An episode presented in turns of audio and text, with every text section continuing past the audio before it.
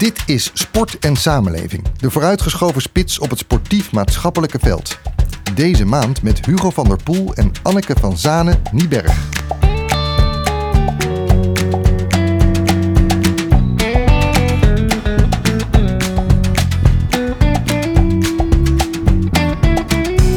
Welkom bij de Sport en Samenleving podcast met uw host Lennart Boy. In deze podcast bespreken we met de gast van de maand en andere deskundigen de ontwikkeling en uitdaging van het sportbeleid in de lokale praktijk. Iedereen die in deze wereld van sport en samenleving actief is, van bestuurder, ambtenaar, buurtsportcoach tot vakleerkracht of trainer, willen we met mooie gasten inspireren en wijzer maken. Zometeen met Anneke van Zanen-Nieberg, de voorzitter van NOC-NSF, over de worsteling met corona, de impact van het sportakkoord, creëren van een positief sportklimaat en de toekomst van de top- en breedtesport. Maar we beginnen zoals altijd met de actualiteit. Corona leek door een mooie zomer even ver weg, maar helaas zal er ook dit najaar nog worden geworsteld met de anderhalve meter samenleving. We spreken erover met Hugo van der Poel, directeur van het Mulier Instituut. Hugo, welkom. Heb je een eh, beetje fijne zomer gehad? Ben je nog op vakantie geweest? Ik heb een mooie zomer gehad. Het, wa- het was hier mooi weer. Ik ben niet naar het buitenland geweest. Ik heb de Elfstedentocht gefietst. Aha, ja, want was mijn volgende vraag meteen. Had je een beetje voldoende lichaamsbeweging? Maar je hebt dus een Elfstedentocht gefietst. Ja, ja. en verder eh, veel lange weekenden met ook fietsen, tennissen, naar de sportschool weer. Dus eh, volop lichaamsbeweging. En nog even over die Elfstedentocht. Is dat dan de letterlijke tocht langs de elf Friese steden? Of heb je je eigen steden uitgekozen? Nee, nee, ik eh, heb ze alle elf aangedaan. Aha, Niet, niet, ja, je, je gaat niet over het water, dus eh, het is een fietsvariant ervan. mooi. Maar eh, ja, je ziet alle, alle stadjes.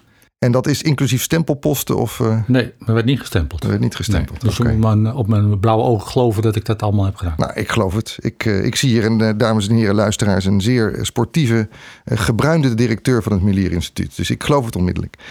Nou ja, je hebt natuurlijk wel de laatste persconferentie, denk ik, van het kabinet ook eh, gevolgd. Heeft dit nou nog weer nieuwe consequenties voor verenigingen? Eh, niet direct.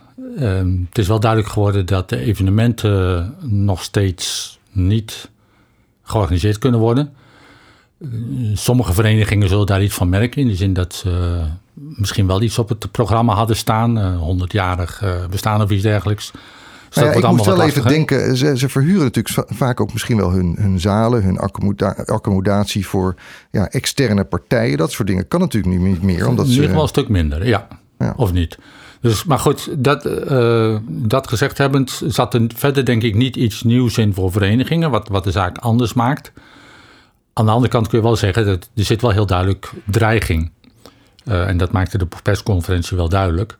En ik denk dat verenigingen eh, erop beducht moeten zijn dat met name alles wat binnen gebeurt, eh, ja, het afwachten is of dat eh, allemaal onaangetast blijft of, of, of toegankelijk blijft. ja.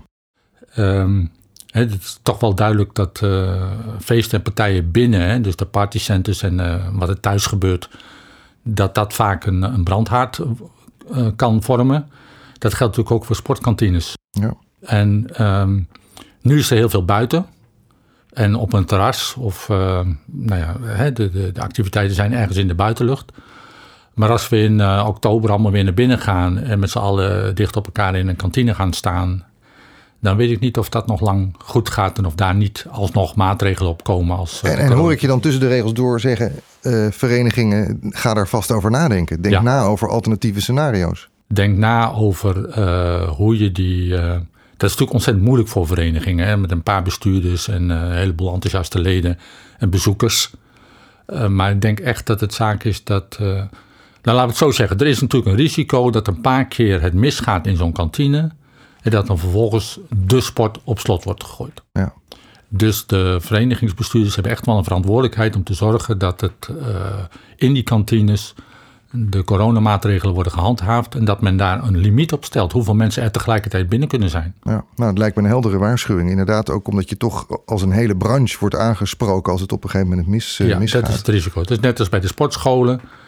Kijk, als het tien keer misgaat in de sportschool, dan, dan zijn die andere 3000, die hebben daar ook last van. Nou is natuurlijk een tijdje terug ook geld toegezegd ter compensatie. Eh, Hebben jullie nou zicht op hoe dat geld wordt besteed en of dat al is uitgegeven?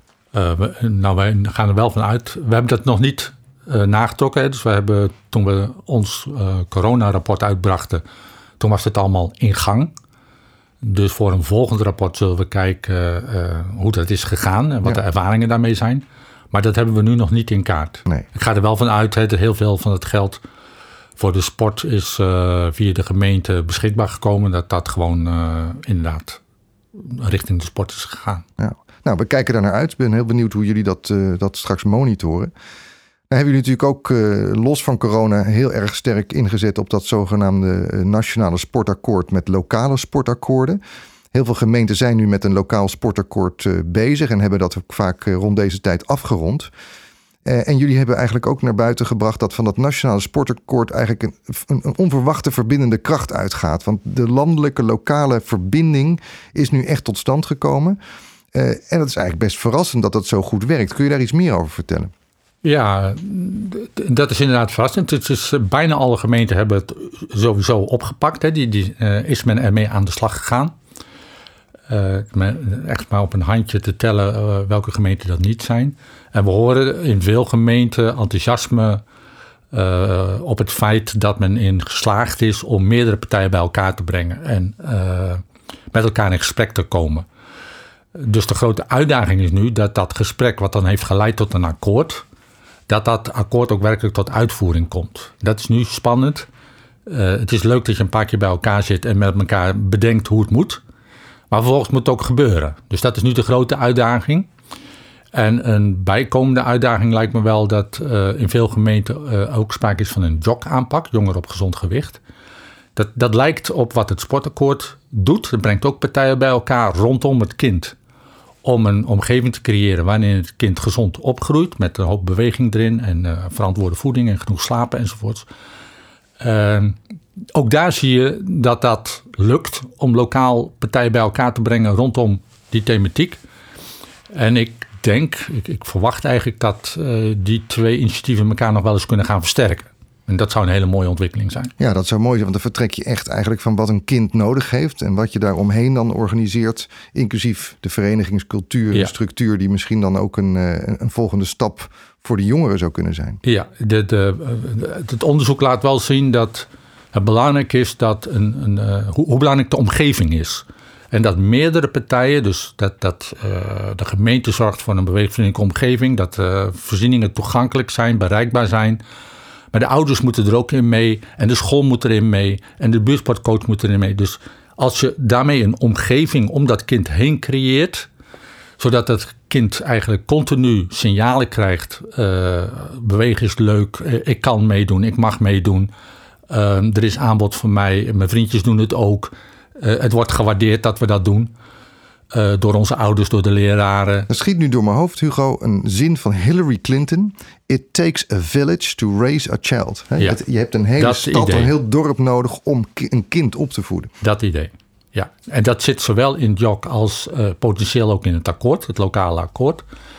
En um, ja, daar verwachten we nu veel van, van zo'n aanpak. Meer dan uh, SEC één boodschap van één partij, terwijl al die andere impulsen gewoon blijven bestaan, die een andere kant op wijzen. Ja. Nou, mooi. Dus het uh, op, op één lijn brengen van waar willen we met onze kinderen naartoe.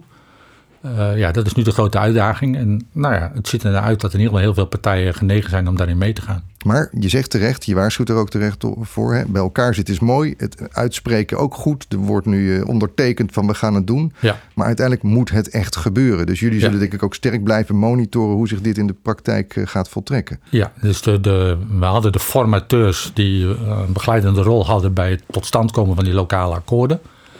En nu is de vraag, is in die lokale akkoorden ook ge, uh, geborgd dat de uitvoering, uh, hè, want iedereen zegt wat toe, dat die partijen dat ook werkelijk gaan doen. En dat die uitvoering op gang komt en dat men betrokken blijft en elkaar blijft zien en informeren. En nou ja, als het even kan natuurlijk ook de successen deelt, uh, zodat het continuïteit krijgt. Ja. ja. Nou, en dan was natuurlijk deze zomer ook heel veel aandacht voor uh, racisme. Ook racisme in de sport. Een heel aantal sporters heeft zich er ook uh, voor uitgesproken. De acceptatie ook van LHBTI's in de sport. Het speelt op dit moment allemaal. Er kwamen natuurlijk ook wat misstanden naar boven. Ik denk aan de Turnbond. In het lokale sportakkoord is er ook een deelakkoord eigenlijk opgenomen over een zogenaamd positief sportklimaat. Gaat dat nu nog, denk je, door die actuele ontwikkelingen nog extra aandacht krijgen? Dat zou heel goed kunnen. Ehm, het mooie van die lokale akkoorden is natuurlijk dat dat inspeelt op de actualiteit lokaal. Dus ik kan me voorstellen dat er gemeenten zijn of, of, of, regio's waar men zegt, de vereniging, de gemeente, de ouders, wij herkennen dit niet, we, we zien dit niet, uh, speelt hier niet. Nou, oké, prima, dan speelt het niet. Nee. Uh, maar daar waar het wel speelt, heeft men nu een forum om dat te bespreken. Dus dan kan een vereniging die daarmee zit het op tafel leggen. Zo, ja, dit speelt bij ons. Ja. Speelt... Ah, daar zal, zullen we straks de gast Anneke van Zanen hebben. Die belt nu aan. Maar we gaan verder uh, ja. rustig uh, met ons gesprek door. Maar luisteraars, Anneke van Zanen, die komt zometeen in de uitzending. Ga verder, Hugo. Nou, het mooie is dus dat, dat, dat in uh, de situatie die we nu hebben, dit op tafel kan worden gelegd en met anderen kan worden besproken. En ook hier geldt uh, dat uh, de aanpak waarschijnlijk succesvoller wordt als het een gedeelde aanpak is. Dus als een vereniging dat op tafel kan leggen en dat gemeente, buurtsportcoaches, wellicht de politie, uh, andere verenigingen meedenken en mee vormgeven aan beleid om hierop te, te acteren. He, dus de, ook hier geldt weer, als het geïsoleerd is, dan, dan is waarschijnlijk de effectiviteit van de aanpak veel geringer. Als wanneer in het hele dorp of in de hele stad of in de hele regio duidelijk is uh, wat de spelregels zijn, wat wel kan, wat niet kan. En vind je dan eigenlijk de gemeente de primaire verantwoordelijkheidsdrager voor dit soort van onderwerp om dat te agenderen? Nee, niet om dat te agenderen. Dat zou kunnen wanneer het bij de gemeente echt op het bord ligt. En dat zou bijvoorbeeld kunnen bij zeg maar, de, de openbare orde variant. Hè? Dus als dat racisme uh, voor het stadion gebeurt, uh, in plaats van in een stadion. Ja. Maar als het gaat om de breedte sport, dan zal het waarschijnlijk veel meer spelen binnen de voetbalvereniging of binnen de hockeyvereniging of binnen de turnvereniging of nou ja, langs de lijn van. En dan is het die vereniging die mee zit en die moet het op tafel leggen. En de aanpak zit natuurlijk ook, die kan ook niet zonder de inbreng van die vereniging. Mooi. En die vereniging die zal zich gesteund moeten weten door een bond. Nou ja, nogmaals, meerdere partijen rondom het probleem. En die akkoorden bieden de mogelijkheid om die partijen rondom dat probleem te organiseren. Nou, volgens mij is het een heel helder verhaal. Je hebt duidelijk gemaakt, alles is nu in het werk gesteld om ook op lokaal niveau die akkoorden te sluiten. Iedereen heeft zich uitgesproken, we doen daaraan mee. Er zitten ontzettend veel aanknopingspunten in, in relatie tot actualiteit, tot het verbeteren van gezondheid voor kinderen in wijken en buurten. Maar zeg je, het moet in de praktijk gebeuren.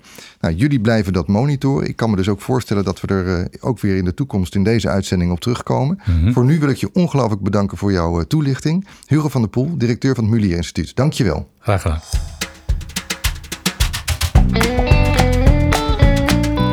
Dan is het nu tijd voor een gesprek met onze hoofdgast. Sinds een jaar is ze nu voorzitter van de grootste sportvereniging van Nederland. Anneke van Zanen-Nieberg, voorzitter van NOC-NSF. Anneke, welkom. Ja, dankjewel. Goedemorgen. Nou, heel fijn dat je er bent. Ja. ja, ik kan me voorstellen dat onze luisteraars toch ook wel wat meer van jou zouden willen weten over wie jij bent en waar jouw betrokkenheid bij sport vandaan komt. Heb je zelf heel veel gesport? Uh, ja, ik moet, ik moet ja zeggen. Want uh, ik ben uh, ooit als achtjarige, vroeger kon je pas op acht jaar starten met een sport als handbal. Uh, dus ik ben van jongs af aan heb ik uh, gehandbald bij uh, handbalvereniging Hellas in Den Haag. En daar heb ik heel veel zweetdruppels liggen. En, en dan van de jongste jeugd tot, tot dames 1. En ondertussen een aantal jaren in Jong Oranje gespeeld. Dus ik kon het ook klaarblijkelijk nog een klein beetje. En dat altijd met heel veel plezier gedaan. Ja, en ik heb me laten vertellen dat je bij dat Hellas nog steeds zeer betrokken bent. Ja, ik ben uh, toen ik uh, zelfs al toen ik uh, nog actief speelster was, heb ik al wel ben ik in het bestuur ge, gegaan, omdat ik ook wel een beetje van de instelling ben van op het moment dat je zoveel krijgt van een club en je toch ook eigenlijk wel een beetje opgevoed wordt, hè, hoe je om, om moet gaan met mensen. En ze hebben mij alle kansen gegeven, dus dan wil je wel wat terug doen. Dus toen ben ik eigenlijk al redelijk jong, heb ik diverse bestuursfuncties vervuld, van sectie top tot penningmeesterschap ben opgeleid tot accountant. Dus dat is altijd wel iets wat uh, mensen mij heel graag geven. De, de portefeuille penningen. Ja. Uh, dus eigenlijk al ook daar bestuurlijk gewoon actief. En uh, de, ik ben daar uiteindelijk ook, ik denk, een jaar of elf voorzitter geweest van de club. En dan is er een soort goed gebruik dat als je voorzitter bent geweest, dat je daarna de, het voorzitterschap van de sporthal overneemt. Dus ik ben nu nog voorzitter van de sporthal aan maar de je runt Laagpoot. nu dus de sporthal nog eventjes. Ja, dus dat, eh, dat doen we erbij. Dat is, eh, dat is ooit door mijn voor-voorgangers als eh, bestuursleden hebben die een eigen hal neergezet. Dat is natuurlijk vrij luxe in Den Haag. Ja, dat je inderdaad als handbalvereniging ook altijd eigenlijk binnen kunt trainen. Dus we proberen die hal optimaal te exploiteren. En eh, daarnaast eh, kon ik het ook weer niet laten eh, dat ik begeleidster ben van de damesselectie van, van de handbalvereniging. En dat probeer ik zo goed en zo kwaad te doen. Vooralsnog is het aan de ene kant rustig met allerlei evenementen bij het NOC-NSF. Dus, het, ja, dus ik kan er gewoon veel aanwezig zijn.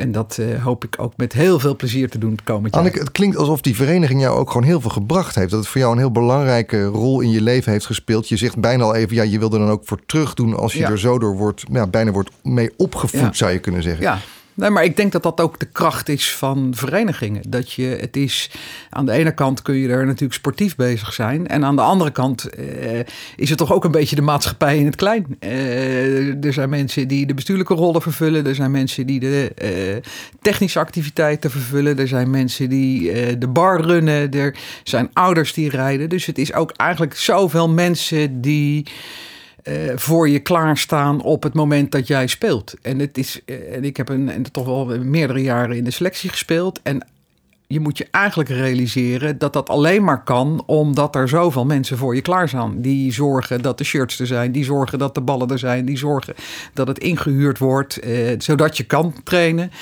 Dus dat is wel wat ik er in ieder geval enorm aan overgehouden heb. En dan klaarblijkelijk steek ik zo in elkaar dat ik dan vind dat ik wel wat terug moet geven. En er zijn natuurlijk ook, ook daar hè, veel eh, eh, speelsters, maar ook oud-bestuursleden... die ook wel voor mij wel een voorbeeld zijn geweest. Allemaal in verschillende rollen en in verschillende...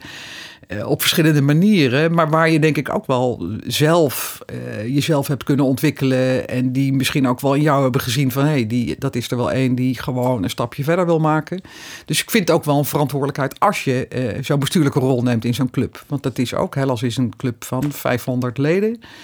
Ja, en je wil toch eigenlijk dat iedereen daar elke dag weer met plezier, eh, ongeacht eh, eh, gender, ongeacht eh, beperking, gewoon moet kunnen sporten. En Ja, dat is mooi. waar ik eh, echt wel heel graag voor sta. Ja. Nou ja, je klinkt ook als een zeer betrokken eh, bestuurder. Als iemand die eh, een groot hart heeft voor, eh, voor die club. Dat is natuurlijk ontzettend fijn. Bijzonder is natuurlijk dat je eigenlijk nu op twee niveaus de afgelopen tijd hebt mee kunnen kijken naar de impact van dat hele corona-gedoe. Natuurlijk voor je eigen club, maar ook voor, eh, eigenlijk voor de clubs van Nederland, NO NOC, NSF, van breedte en topsport te tezamen. Eh, jullie hebben je eigenlijk meteen heel sterk ook, ook gericht op de politiek. Van jongens, er is extra steun nodig. Die sportverenigingen die gaan het heel erg zwaar krijgen. Eh, heb je nou zicht op hoe dat zich uiteindelijk heeft ontwikkeld? Zijn die gelden inmiddels bij die sportclubs terechtgekomen? Eh, zijn daarmee de verenigingen gered? Of is het nog eigenlijk ontzettend spannend? Nou ja, zeg maar even eh, misschien een beetje eh, uitweiden of in ieder geval aangeven hoe ik daar tegenaan kijk. Kijk, NOC-NSF, Nederlands Olympisch Comité en de Nederlandse Sportfederatie, die zijn, dat is één. Dus je ziet ook dat zo'n NOC-NSF staat aan de ene kant, die heeft een soort gouden driehoek die zij moet bewaken. Dus dit is infrastructuur, dus de participatiekant en eh, topsport en het internationale deel. En dat moet wel in evenwicht zijn. En je ziet dat in zo'n corona worden de topsport, maar vooral de infrastructuur, worden natuurlijk keihard geraakt. Want alle clubs gaan dicht. Eh, de, de, de, zeker het eind van het seizoen zie je heel veel dat er natuurlijk mensen nog een, leuke events, slotbarbecues, eindfeesten, kon allemaal niet doorgaan. Dus die sportclubs, die infrastructuur, die wordt keihard geraakt. Eh, en dat zijn, eh, NOC-NSF staat voor de georganiseerde sport. Dat zijn eh, 77 sportbonden. Eh, dus wij zien ook wel dat die 77 sportbonden, die hebben eh 24.000 verenigingen eh, die deel uitmaken van dat hele, van het geheel. Dus je moet gewoon zorgen dat die infrastructuur gewoon in stand gehouden wordt. En vanuit sterke clubs krijg je uiteindelijk ook sterke topsport. Dus wat je doet is aan de ene kant is heel hard werken en ook gewoon met de politiek het gesprek aangaan van.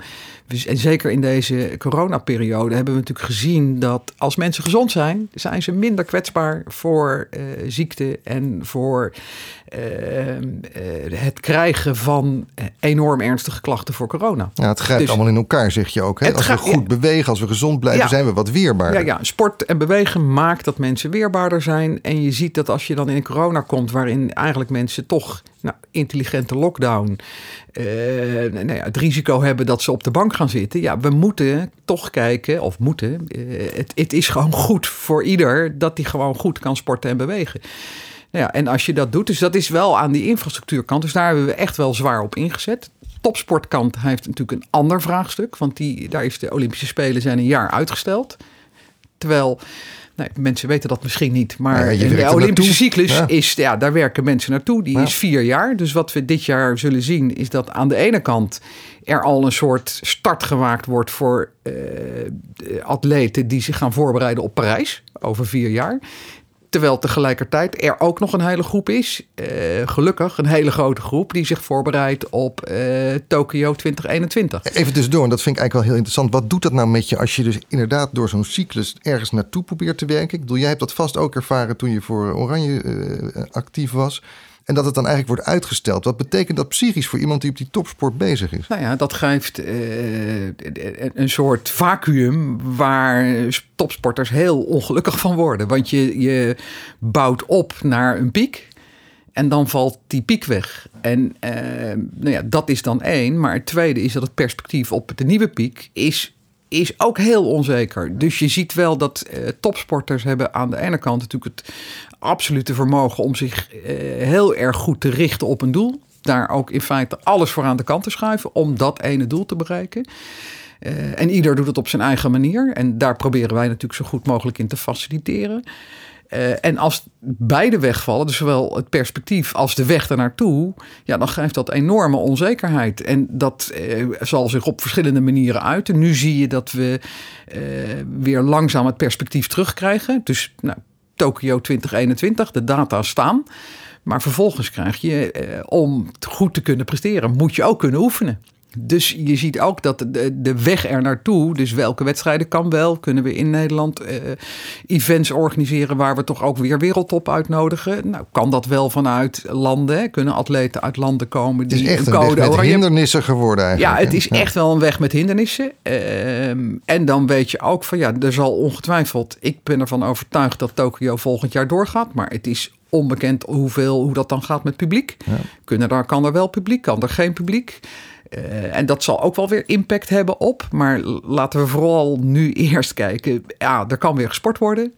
En B, we gaan uh, nou ja, met elkaar en vooral bonden heel actief om te kijken hoe kunnen we de events in de voorbereiding naar dat uh, ultieme event weer gewoon vormgeven. Maar hetzelfde geldt eigenlijk aan de kant van de, van de vereniging. Nou ja, want dat is ook mijn vraag. Je zegt ja. het is heel mooi, hè? Gouden driehoek, het internationaal perspectief. Nou, daar hebben we het over. Spannend of Tokio doorgaat en of er publiek bij is. Dan heb je natuurlijk over topsport van mensen die zichzelf als het ware in de lucht moeten houden terwijl ze eigenlijk aan het pieken wilden. Ja. En dan dat nog met een jaar moeten uitstellen. Maar dan natuurlijk ook die impact voor die infrastructuur eronder. Al die verenigingen waarvan je terecht zegt, ja, daar komt dat talent uit naar voren. Die heb je nodig. En het is ook nog eens belangrijk omdat mensen gewoon lekker kunnen sporten en weerbaar blijven. Ja.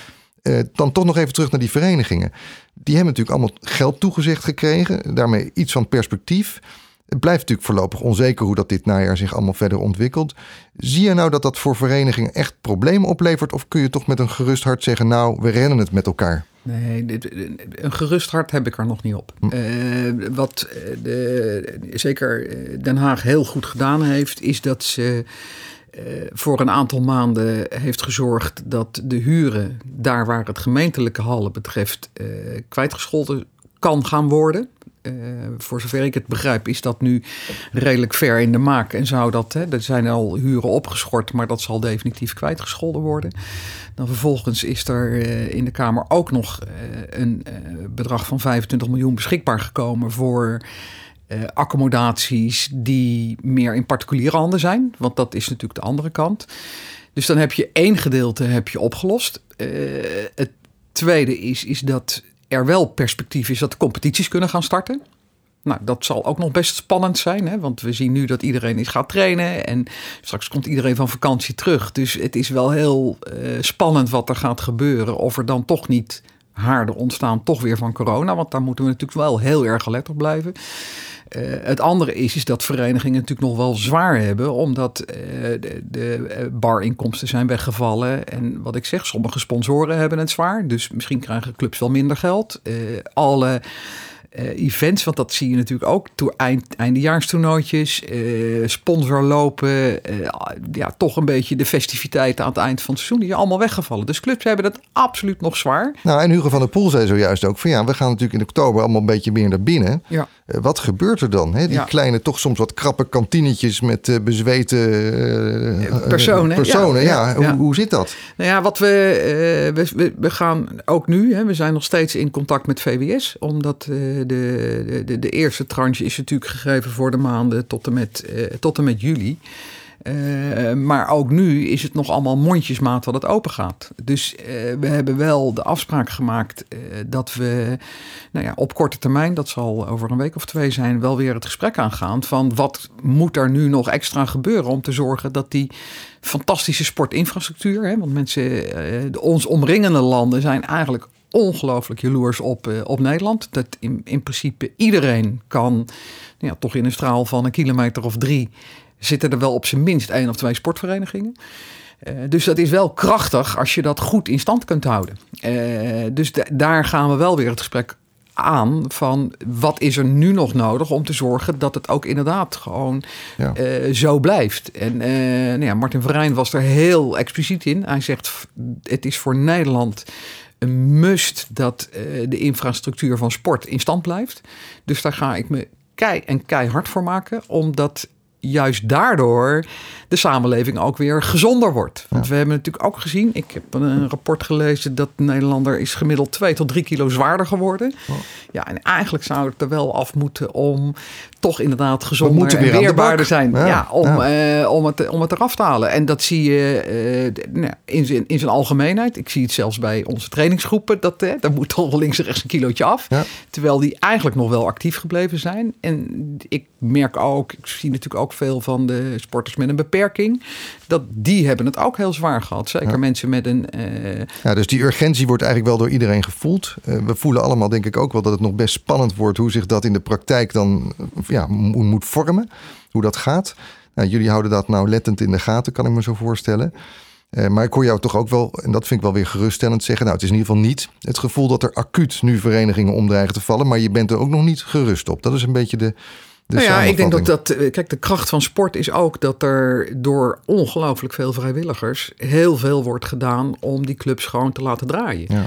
Uh, maar daar zit ook een grens aan. Dus je ziet wel dat clubs het uh, zwaar hebben en dat het niet vanzelfsprekend is dat het gewoon allemaal maar doordraait. En Ja. zeker ook die kantineinkomsten, dat, dat hakt er stevig in bij veel clubs. Ja, het moet allemaal niet meer zo lang duren. Dat is het eigenlijk voor mij. Nee, maar dat tegelijkertijd weten we met z'n allen dat eh, de hoeveelheid mensen aan de bar of in een sportkantine, dat moet echt op een andere manier. Dus het zal de komende eh, maanden niet direct terug zijn naar normaal. Nee. Dus ook daar zul je zien dat, ze, dat clubs nog inderdaad wel in de clubkas wel inderdaad geld tekort komen. Als het al zo is dat alle sponsoren Ja. bereid zijn om eh, Nou ja, hun bijdrage te leveren. Hierbij dan, hè, als u luistert als sponsor, trek niet zomaar de plug eruit. Hè. Nee, Hou dat zou ik eh, zeker niet. En ik zie ook heel veel verenigingen die nou, meer dan voorheen eh, ook plekken openstellen voor eh, mensen die misschien nog niet de weg hebben gevonden naar een, eh, naar een sportclub.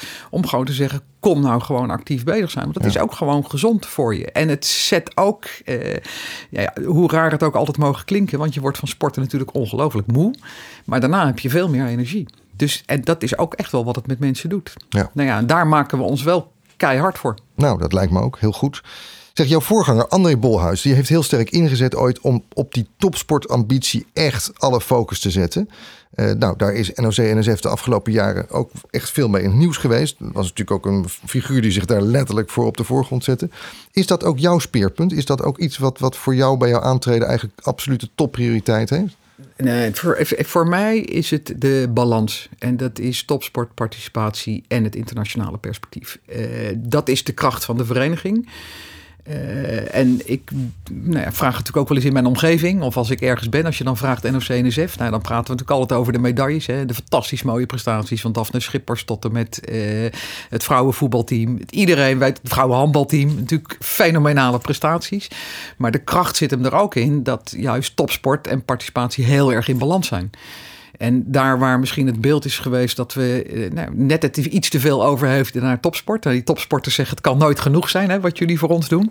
Maar ik vind dat we even zo hard moeten lopen en zichtbaar moeten willen zijn op die participatiekant. En nou ja, in die zin is dat natuurlijk een, uh, raar als ik dat zeg, maar heeft misschien uh, corona wel geholpen dat we ons daar ook echt wel heel duidelijk zichtbaar en herkenbaar hebben kunnen positioneren. Dus ik, voor mij is het de balans tussen beide. Ik hou ook van allebei, dus ik vind het ook net zo leuk om af en toe naar een competitiewedstrijd te gaan kijken ergens in het land. vorig jaar inderdaad in ieder geval naar de opening van het korfbalseizoen geweest. Je, ik zie natuurlijk regelmatig handelwedstrijden, maar juist op die clubs zie je natuurlijk daar gebeurt het. Als daar de energie zit, dan ben ik ervan overtuigd. Dan hebben we uiteindelijk ook een hele brede top. Maar je hebt denk ik ook op een gegeven moment wel gezegd van ja, die verenigingen moeten wel oppassen. Die moeten wel echt proberen de kwaliteit heel hoog te houden. Uh, met name omdat je ook ziet van dat er nou steeds meer individuele sportontwikkeling uh, plaatsvindt. Mensen die via internet allerlei uh, instructies kunnen volgen. Commerciële sportscholen die als paddenstoelen uit de grond zijn geschoten. Wat, wat versta je dan onder die kwaliteit? Waar moeten die verenigingen wat jou betreft op inzetten? Ja, kijk, eh, sporten of bewegen vind ik per definitie goed. Uh, dus als mensen naar de sportschool gaan, vind ik eigenlijk ook gewoon heel mooi. En dan kan je natuurlijk zeggen van ja, maar jouw parochie is toch de georganiseerde sport. Ja, dat is het ook. Maar ik ben ook wel een voorstander dat iedereen gewoon in Nederland op zijn minst twee keer per week actief is. En het liefst elke dag, maar uh, we pak een keer wat minder, eh, meer de, de, de wandelwagen in plaats van de auto. Dus probeer gewoon actief te zijn. Uh, als je naar verenigingen kijkt, dan zie je dat de maatschappij soms andere vragen stelt. En dat betekent ook dat je daarop in zou moeten spelen. Dus de kwaliteit van de vereniging is ook van A, verlogen ja, je herkomst niet. Hè? Dus als je uh, blijft gewoon echt dat op een fantastische manier aanbieden. Maar denk er ook over na of er misschien niet mensen zijn die wat liever willen beachhandballen dan moet je, zou je ook moeten kijken dat je dat moet doen. Ik, zie, ik probeer maar even dicht bij huis te blijven. en uh, als ik bij mijn eigen handbalclubje, daar wordt nu ook walking handbal gedaan. Zodat je ook inderdaad een andere leeftijdsgroep uh, aantrekt. Je ziet ook nog wel eens dat de vraag is dat, uh, nou ja, ik, ik beluister wel dat de jeugd het soms lastig vindt om zich te committeren om de komende twaalf maanden of tien maanden elk weekend te moeten spelen. Nou ja, dus kun je ook nadenken over andere competitievormen. Je zegt het is in een soort... wees innovatief en creatief. Leg je oor goed te luisteren bij andere doelgroepen. Eh, om, om er gewoon voor te zorgen dat zo'n vereniging bij de tijd blijft. Ja, ja. en dat je inderdaad ook attractief blijft voor... Uh, voor de mensen die gaan deelnemen. En dat betekent dat je daar gewoon goed over na moet denken. Goed in, in gesprek moet zijn met je eigen leden. En ook luisteren wat dat is. Want wat je wel ziet, is dat het mooiste, en dat is ook waar wij natuurlijk heel hard voor gestreden hebben, er moet een perspectief zijn dat de competities kunnen starten. Mensen gaan op een sport en dat is aan de ene kant trainen is leuk. Er zijn er natuurlijk ook een aantal die vinden trainen het leukst, maar de meeste die vinden het spelen van een wedstrijd gewoon het leukste. Gewoon willen winnen van die ander. En uh, je meten met een ander team. En dat kan van hoog tot laag. Maar toch, het wedstrijdelement is het belangrijkste. Dus je, uh, we hebben er heel hard voor gestreden om ook de minister zo snel mogelijk te laten zeggen: alles is erop gericht om op 1 september gewoon competities te kunnen laten starten. Nou, dat is bij tennis gebeurd, dat is bij golf gebeurd. Dus je ziet inderdaad dat, die, dat mensen daardoor ook aangetrokken blijven op die, uh, op die georganiseerde sport, omdat daar steeds het wedstrijdelement natuurlijk wordt aangeboden. Laat onverlet dat je ook wel na moet blijven denken over andere manieren waarop je misschien een competitie aan kan bieden. Waarom moet je elk weekend spelen? Waarom speel je niet eens in de maand uh, drie wedstrijdjes op een dag? Nou ja, omdat er ook wel eens gezegd wordt, ja, het is niet alleen maar die competitie en het is niet alleen maar dat wedstrijdelement. Het is de vereniging, je zei het net zelf, ook als een soort mini-samenleving die verbindend is, die een gemeenschap met elkaar vormt. Ja. En daarvoor moet je natuurlijk toch regelmatig samen zijn. Moet je elkaar ontmoeten, moet je met elkaar gecommitteerd zijn. Ja, maar de ontmoeting zit ook al in de trainingen. Dus dat is ook, hè, dat, is, dat, dat, dat kan wel, uh, dat gebeurt zo en zo wekelijks. Maar dan de vraag, ik zie, je ziet ook mensen die af en toe gewoon een weekend weg willen.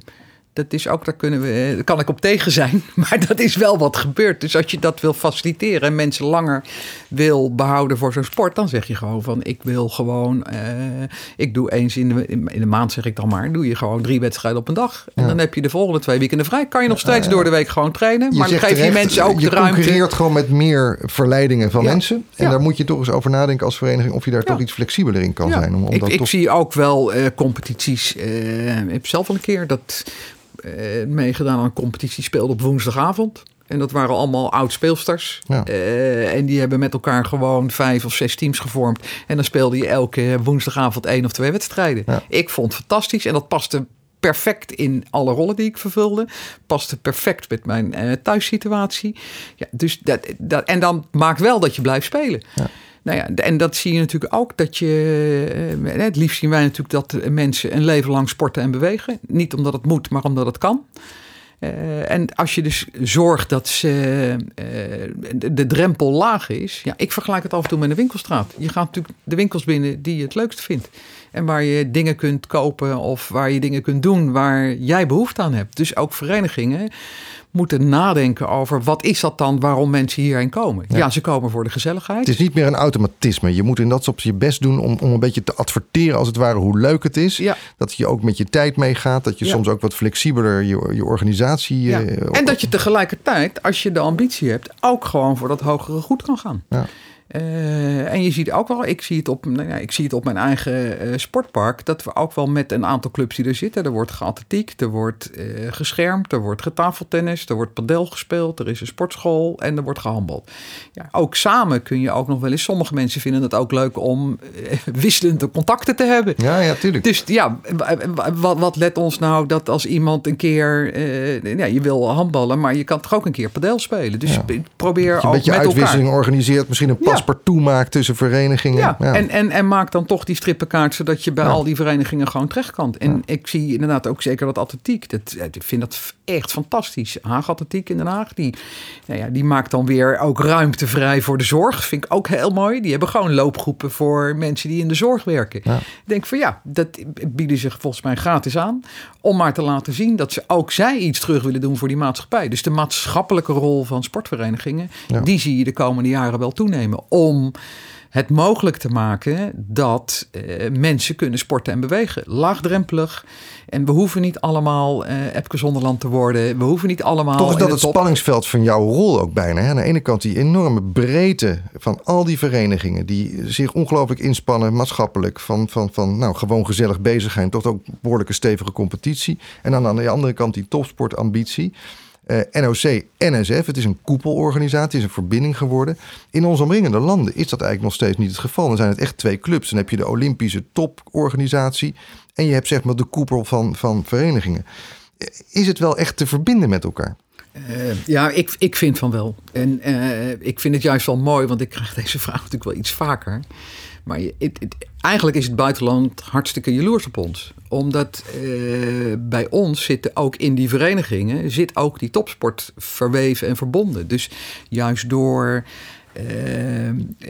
ze, er een nadrukkelijke verbinding te laten zijn. Want als je het op een, op een tijdslijn zet of op een, dan zie je eigenlijk dat je hebt die, die absolute topsport en je hebt die vereniging. Maar je hebt ook topverenigingen. En dan zit je inderdaad met Europa Cup spelen, met de Champions League spelen, allemaal dat soort eh, Nou ja, het is een glijdende schaal. Ja, het is niet zo'n tegenstelling, hoor ik je eigenlijk zeggen. En daarbij, je, je weet elkaar daardoor ook heel makkelijk te vinden. Dus je kunt ja. die verbinding heel makkelijk Ja. maken. Ja, en dat, is, en dat is wel waar we met elkaar gewoon ook actief mee bezig eh, zijn. En je ziet nu ook eigenlijk ook in deze coronaperiode. Ik heb heel veel topsporters ook juist de energie zien geven om mensen in beweging te krijgen. Om te zorgen dat, eh, dat mensen mee gaan doen. Ik zie het zelfs nu, er is binnenkort volgens mij een eh fietsevent. En ik zie al die toppers die, eh, afgelopen weekend eh, ook de NK hebben gereden. Die zeggen van ja, weet je, fiets jij ook mee? En de baanwielrenners. Dus je ziet wel dat ze wel een soort voorbeeldrol Ja. vervullen om mensen ook actief te krijgen. En je hoeft, die, niet iedereen hoeft eh, op het Olympisch podium te acteren. Maar als je zelf, je kan, iedereen kan zijn eigen top bereiken. Ja. En dat- en dat is ook mooi. kracht. Ja. Ja, dus het is ook. eh, dus bij ons zijn de.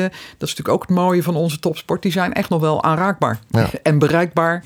En hebben eigenlijk allemaal, en of het nou de, eh, de Olympische atleten zijn of de Paralympische atleten, ze hebben allemaal een fantastisch verhaal. Ja. En dragen dat ook uit om mensen ook te leren van ja, weet je, je, je start, iedereen is begonnen ooit eh, op een clubje omdat hij het leuk vond. Ja. En de kunst is om dat zo lang mogelijk vol te houden. De verbindende kracht van sport toch weer opnieuw.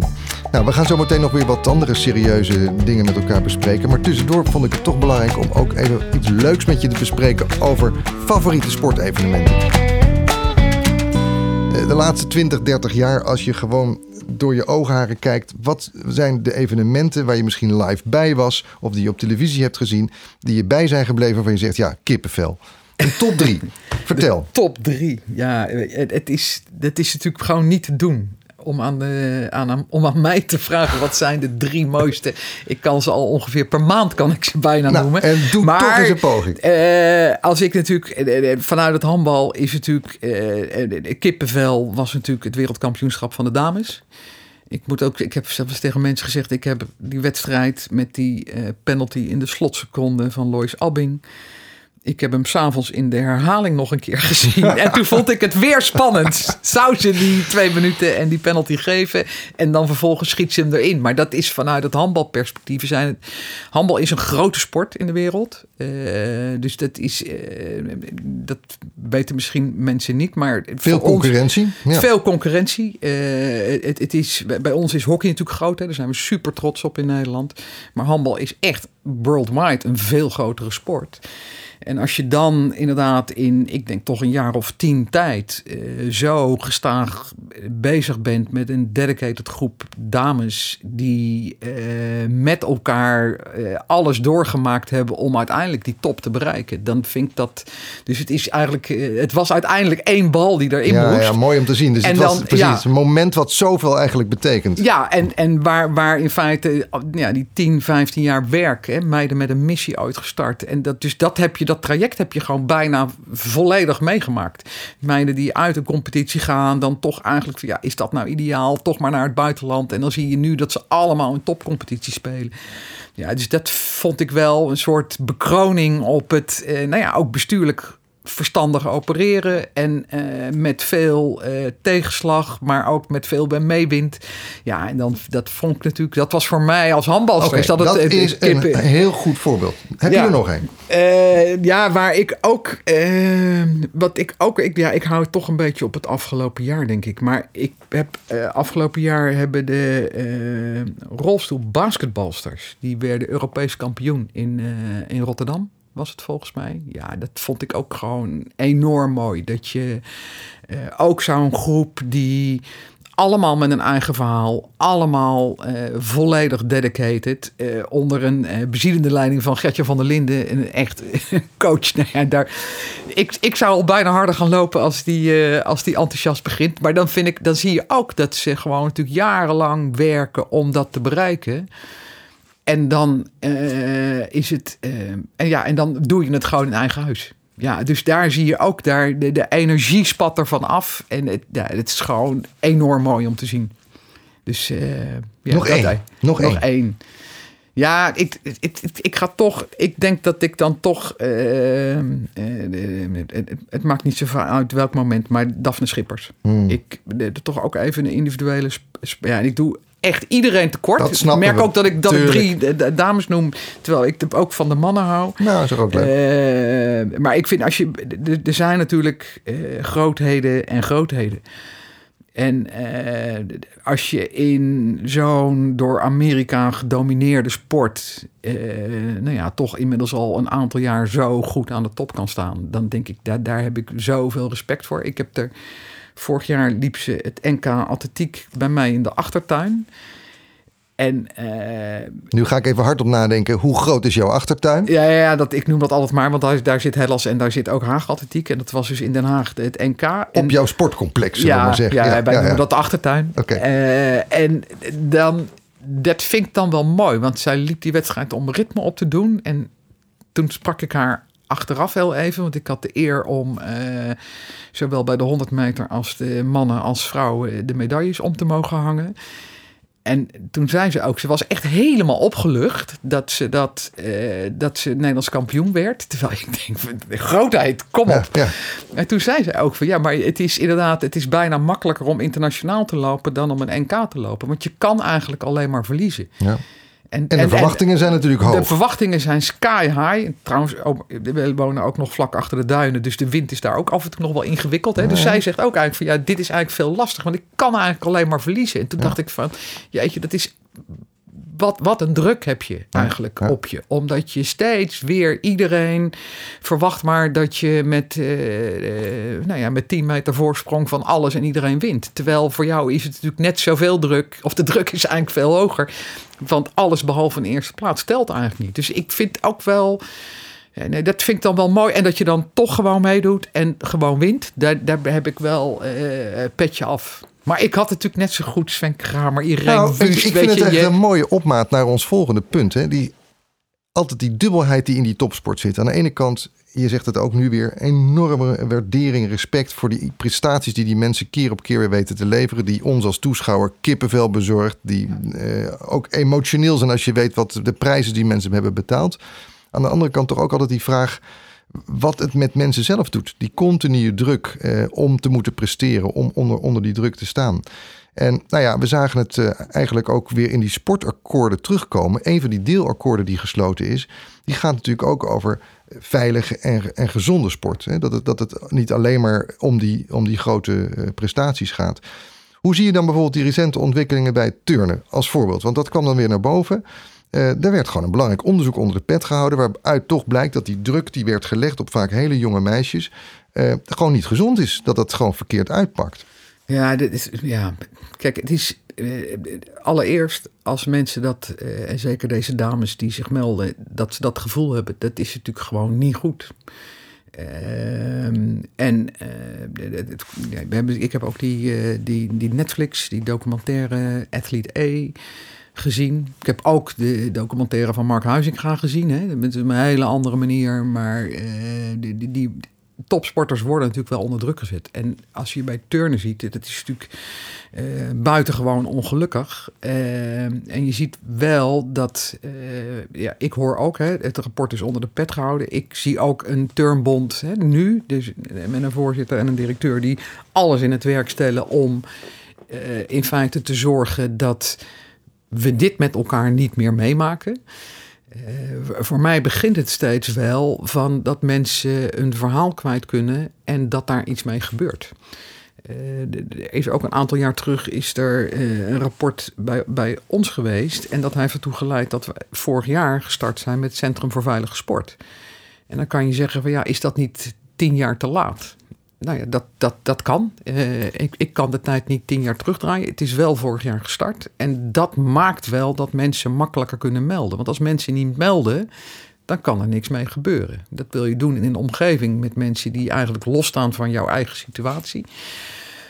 En die ook daadwerkelijk voor jou aan de slag gaan. Ja, en we zien dat we. eh, er gebeuren natuurlijk twee dingen. Eén, het is de Morris van 10, 15 jaar terug met de Morris van nu.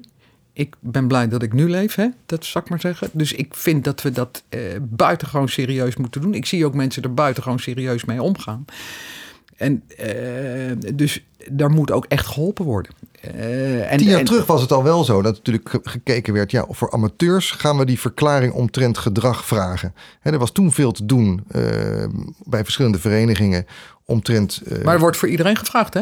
Ja, maar nu zijn het dus de toptrainers. Hè? Mensen waarvan je eigenlijk denkt dat zijn toch professionals. Dat zijn toch mensen die gewoon door, door, door Ja, zoveel verschillende kijk, mazen de- heen zijn. Er zit een, eh, een, een kracht bij de VOG om dat te doen. Ik vind dat ook wel een soort minimumvoorwaarde. Hè. Dat Ja. vinden we algemeen geaccepteerd in de sport. Dus eh, volgens mij hebben wij als bestuursleden NOC-NSF ook allemaal een VOG. Dus het, het, is, hè, het is wel gewoon gebruikelijk dat dat is. Het enige bij een VOG is dat als er niet gemeld is en er niet een aantekening is, krijgt iedereen een VOG. Ja, dan blijft het toch een beetje Dat, leeg. dan blijft het gewoon gaan. En, en dat maakt het ook ingewikkeld. Daarmee praat ik het niet goed. Maar het, eh, ik, ik, ik zie ook dat door de eh, loop der jaren, dat afgelopen jaar, dat er in de attitude ten aanzien van training, dat er wel dingen veranderd zijn. Eh, dat ik topsporters hoor zeggen van ja, maar een stukje eh, druk hoort er altijd bij. Want als ik die druk niet heb, dan kan ik eigenlijk ook in die finale uiteindelijk niet echt goed presteren. Maar de grens zit natuurlijk op dat fysieke. Ja, dat, dat is natuurlijk niet goed. Dat, dat, en, en dan is het wel de vraag op het moment waar. waar uh, dat zou ik wel heel aangenaam vinden. Dat deze uh, dames die ook gemeld hebben, dat die ons ook helpen van wat had nou geholpen? Tuurlijk. Had, had het nou geholpen? Uh, Centrum voor Veilige Sport daar kun je anoniem melden, je kan met naam en toenaam, maar je wordt altijd word je, word je geholpen. Dus had het, had het jullie geholpen? Ik kan het niet meer voorkomen, want het is gebeurd. Dus hoe hadden we met elkaar die situatie anders kunnen hebben? Nou, dat snap ik, je wil ervan leren. Maar tegelijkertijd moet je misschien ook in een wat groter verband zeggen: ja, is het niet ook het gevolg van wat we ooit tien jaar geleden hebben gezegd. Wij willen bij die top 10 van de wereld horen. Wij willen als klein land, met relatief dus ook een klein arsenaal aan mensen die topniveau kunnen halen, willen wij de absolute top 10 eh, van de wereld gaan bereiken op Olympisch niveau. En dan is natuurlijk de vraag: moet je wel willen concurreren met die voormalige Oostblok-mentaliteit, waar het inderdaad gewoon hard tegen hard ging om die top te halen? Nee, maar ik vind dat wij van, met een Hollandse school, met uh, plezier, nuchterheid, maar ook een veilige sportomgeving, dat wel zouden moeten willen doen. Ja, je zegt er is een andere route en die, die hebben wij. Ja, ik, ik, ik ervaar ook wel. Uh, kijk, ik, je ziet ook. Ik denk dat als ik. Nou, ik neem toch maar even de short trekkers als voorbeeld. Daar zie ik een enorm hechte groep die met elkaar uh, lief en leed deelt. En die, uh, die zijn elkaars coach, zou je bijna kunnen zeggen. Ja, maar die helpen elkaar daar ook doorheen. En uh, volgens mij, uh, ik, Jeroen Otter is een fantastische coach, maar ook een, vooral een fantastisch mens. Dus die zal ongetwijfeld ook, hè, deze dames en heren moeten ook keihard trainen om die top te bereiken. Maar hebben, doen dat wel in een omgeving waarin ze met respect naar elkaar en uh, zich veilig kunnen voelen om optimaal te presteren. En dus het gaat er steeds om hoe creëer je dat, die veilige omgeving. En uh, terwijl om de top te bereiken is er ook best wel iets druk nodig. Uh, en daar, in die situatie worden alle mensen die gevraagd worden om een nummer 1 positie te halen, wel eens gebracht om ervoor te zorgen dat je op het moment suprem dat je die druk aan kan.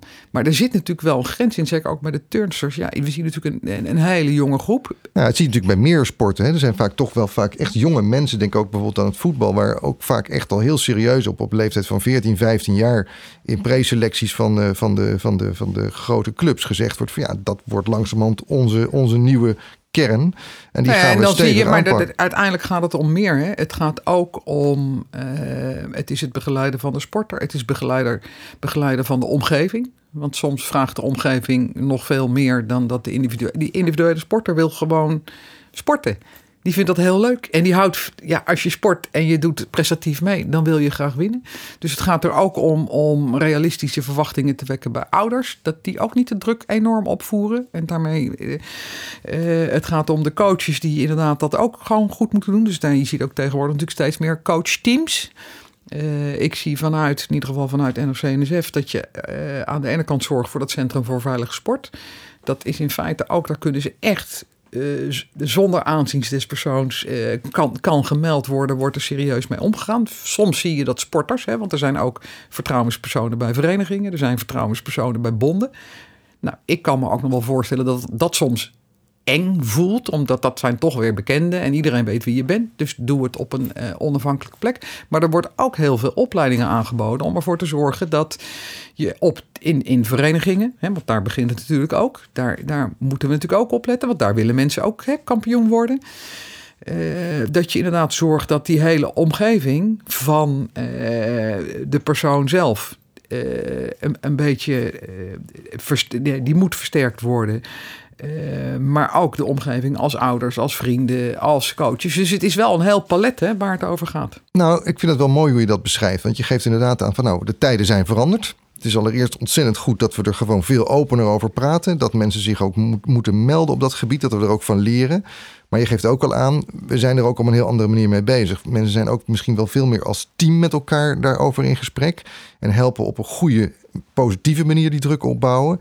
Eh, we zijn ons ook bewuster van de omgeving die soms te extreme druk opbouwt, zodat je daar weer wat tegengas kan geven. Er zijn verschillende plekken waar gemeld kan worden, waar, waar ook aandacht is voor specifiek dit onderwerp. Ja. Zouden die lokale sportakkoorden hier nou ook verder bij kunnen helpen? Want er is natuurlijk juist die, die nadruk op die veiligheid uh, en, en sportiviteit. Uh, wat is dan de relatie wat jou betreft tussen NOC en NSF aan de ene kant en aan de andere kant de gemeentes? Hoe help je nou om uh, aan de ene kant die, die, die topambitie ja. toch te vertalen naar die lokale kant in een veilige context? Ja. Nou ja, de, de, de, de, gemeenten die hebben zich gebundeld in, uh, eigenlijk in de Vereniging voor Nederlandse Gemeenten, VNG. Maar die hebben ook een aparte tak, dat is de VSG, Vereniging uh, van Sportgemeenten. En wij hebben veelvuldig overleg met hen om ook uh, te bouwen aan die lokale sportakkoorden. En ja, zo kijk ik er ook wel tegenaan. Elke topsporter is ooit ergens bij een club binnengelopen. Dus vandaar ook dat het belang, vind ik, van die verenigingen, als zij al leren hoe je met elkaar om moet gaan en dat je uh, aan mag geven waar jouw grens ligt en hoe jij bejegend wil worden, dat is wel waar het start. Dus, je, dus hoe sterker de lokale uh, verenigingen zijn, hoe sterker in feite de sporters zijn die daar grootgebracht worden. Ja. En uh, dus in die lokale sportakkoorden uh, gaat het ook daarom ook om een veilig sportklimaat. En om te zorgen dat die verenigingen ervoor zorgen dat ze uh, opletten van het gedrag. natuurlijk van trainers, maar ook van ouders langs de lijn. Ja. En ook hoe belangrijk is winnen. Ja. Hoe belangrijk is nou winnen? Of is het belangrijk dat kinderen, eh, als ze een teamsport doen, leren samenspelen. Ja. En, en dat je een ander ook wat gunt. Uh, ja, dat is wel hoe mensen inderdaad gewoon uh, er maar opgegroeid kunnen worden. En dat je ook, ook nog wel gezegd, want er is ook die discussie over, uh, die was deze zomer natuurlijk ook, Black Lives Matter. Ja. Dus het gaat over de gelijkheid en toegankelijkheid, toegankelijkheid voor sport, voor, ja. voor mensen met een, met een andere huidskleur. Voer je op je vereniging wel eens dat gesprek? Ja. En, en, en, wat, en hoe heb je het daar dan over? Het, het zou zo eenvoudig zijn. Ik zie het ook bij mijn eigen club. Al die teams hebben aan de start van de competitie hebben ze een gesprek, vaak met ouders en uh, jeugdige spelers of speelsters. En waarom maken we in dat gesprek, we leggen dan uit waar we gaan spelen, hoe we verwachten dat we, uh, hoe je, of, of er gedoucht wordt of niet, of, en hoe je je gedraagt ten opzichte van een tegenstander. Maar waarom maken we dit soort zaken dan ook niet gewoon bespreekbaar? Ja. Laagdrempelig, het is allemaal niet eng en niet spannend, maar het is wel wat, we, eh, wat de maatschappij in zich heeft, ja. dat we daar af en toe scherp en fel op zijn. Nou ja, en dat je er gewoon van tevoren even bij stilstaat, dat je ja. dat soort dingen gewoon in je voorbereiding doet. Je zei het net mooi, elke topsporter is ooit bij een vereniging binnengelopen. Uh, nou, dat betekent talentontwikkeling natuurlijk vervolgens een, een hele belangrijke stap langzaam maar zeker naar boven. Ik begreep wel dat de regionale financiële ondersteuning, die vanuit NOC-NSF eh, normaal gesproken ook wordt gegeven, dreigt weg te vallen. Dat, dat gemeentes daar misschien moeten inspringen. Wat is ja. er aan de hand? Uh, nou ja, wij hebben natuurlijk ook uh, soms een beperkte hoeveelheid geld en uh, ongebreidelde hoeveelheid ambities. Mm. en als je dit, als je dat echt consequent wil blijven vormgeven, dan uh, moet natuurlijk eigenlijk de koek ook voor die talentontwikkeling moet groter worden. Uh, en alleen NOC-NSF en misschien alleen maar uh, naar VWS kijken is wel mager. Dus de koek moet in feite groter. En het is natuurlijk ook wel in het belang van de uh, gemeentes regionaal, dat ze daar ook gewoon een bijdrage gaan leveren aan een gezonde leefomgeving. Ja. Dus dan uh, zowel bij de uh, gemeentes, maar ook provincies, dat zou natuurlijk een ongelooflijk mooie rol zijn voor de provincies om op te pakken. Ja, en, en Jeu, die hield in deze podcast nog niet zo lang geleden een pleidooi voor een sportwet. Die zegt, ja, er is eigenlijk niks geregeld, structureel, ja. op het gebied van de overheidstaken, provinciaal, nationaal die eigenlijk verankert wat er aan geld naar sport gaat, hoe we die ambities daarin vormgeven. Zou dat voor jullie ook een oplossing kunnen betekenen? Dat je het veel meer in een, in een wetgevingsstructuur zou, zou gieten? Uh, nee, daar zit ik eigenlijk kijk, daar zit ik natuurlijk een beetje dubbel in. Hmm. Want eigenlijk vind ik dat wij zijn met z'n allen de maatschappij. Als wij met z'n allen vinden dat sport ongelooflijk belangrijk is, dan moet je eigenlijk gewoon kiezen voor zij die uh, zorgen dat dat optimaal wordt vormgegeven. Uh, dus ik vind het eigenlijk altijd wel bijzonder dat we daar nog enorm hard voor moeten strijden. Want volgens mij er is geen enkele discussie meer dat uh, sport goed is, sport en bewegen goed is voor lijf en leden. En dus voor een gezonde samenleving, een energieke samenleving. Dus op het moment dat dat gesteund kan worden, dan zou dat heel mooi zijn. moet het dan in een sportwet? Nou ja, ik, ik zou al heel blij zijn als we. laten we nou eerst eens gewoon starten met dat alle gemeentes en alle provincies het belang van die sport herkennen. En dat ze dat ook niet alleen bij, met woord doen, maar ook met daad. En dat ze dan zien dat zij gewoon een rol hebben om een leefbare omgeving te maken. Volgens mij staan gemeentes en provincies daarvoor. Uh, en daar dan ook hun bijdrage aan leveren. Want daar zijn zij een enorm belangrijke schakel in. Ik vind het, je ziet het wel een aantal steden die hebben ook een sportnorm. Van als je een, nieuwe wijk bouwt. We zien ook natuurlijk dat er heel veel uh, nieuwbouw moet plaatsvinden om iedereen een mooi onderkomen te geven ja, hoe kan je een wijk bouwen zonder sportvoorzieningen? Ik, dan denk ik van ja, moet ik ook nog de politiek ingaan om dat een keer uit te leggen. Maar dat lijkt me zo evident ja. dat je dat gewoon doet als je op gemeentelijk niveau kijkt. Maar goed, jij bent de, toch de hoogste vertegenwoordiger van NOC-NSF. Jullie praten met de politiek. Aan de ene kant is het natuurlijk heel mooi als je zegt, joh, we vertrouwen die politiek dat ze die urgentie zelf wel zien.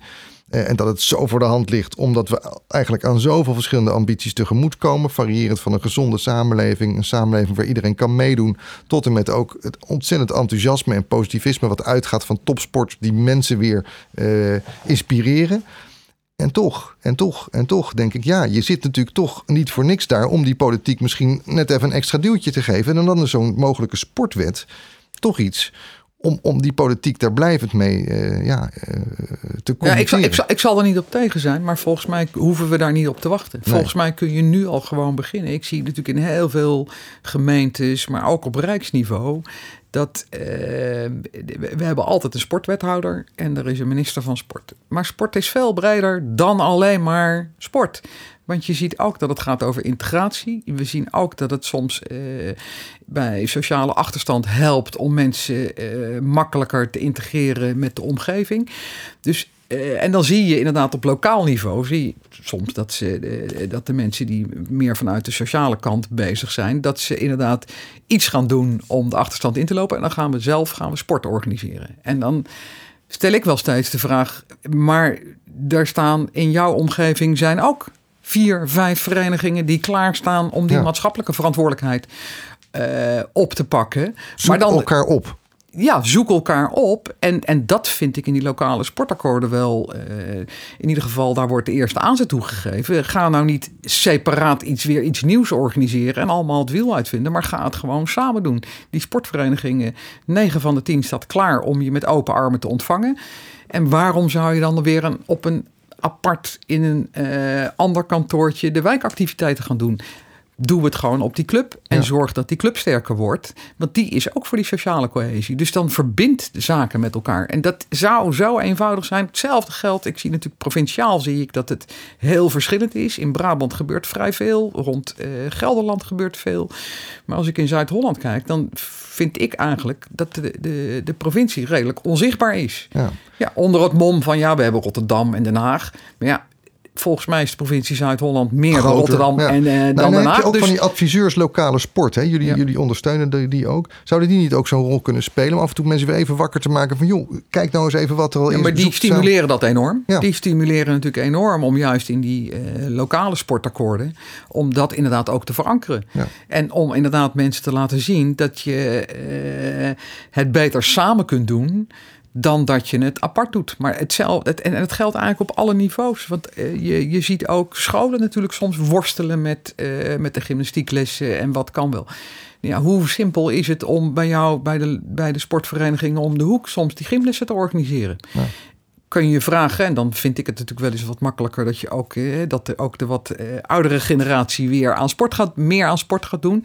Die kunnen soms ook best wel ondersteunen om dan een clublocatie open te, open te stellen. Om dan inderdaad die groepen te ontvangen. En dan maken ze gewoon kennis met alle, met alle sporten. Hoe, dus hoe mooi is dat? En dus het, het, is ook niet, het is niet een kwestie van veel praten. Mensen moeten het gewoon doen.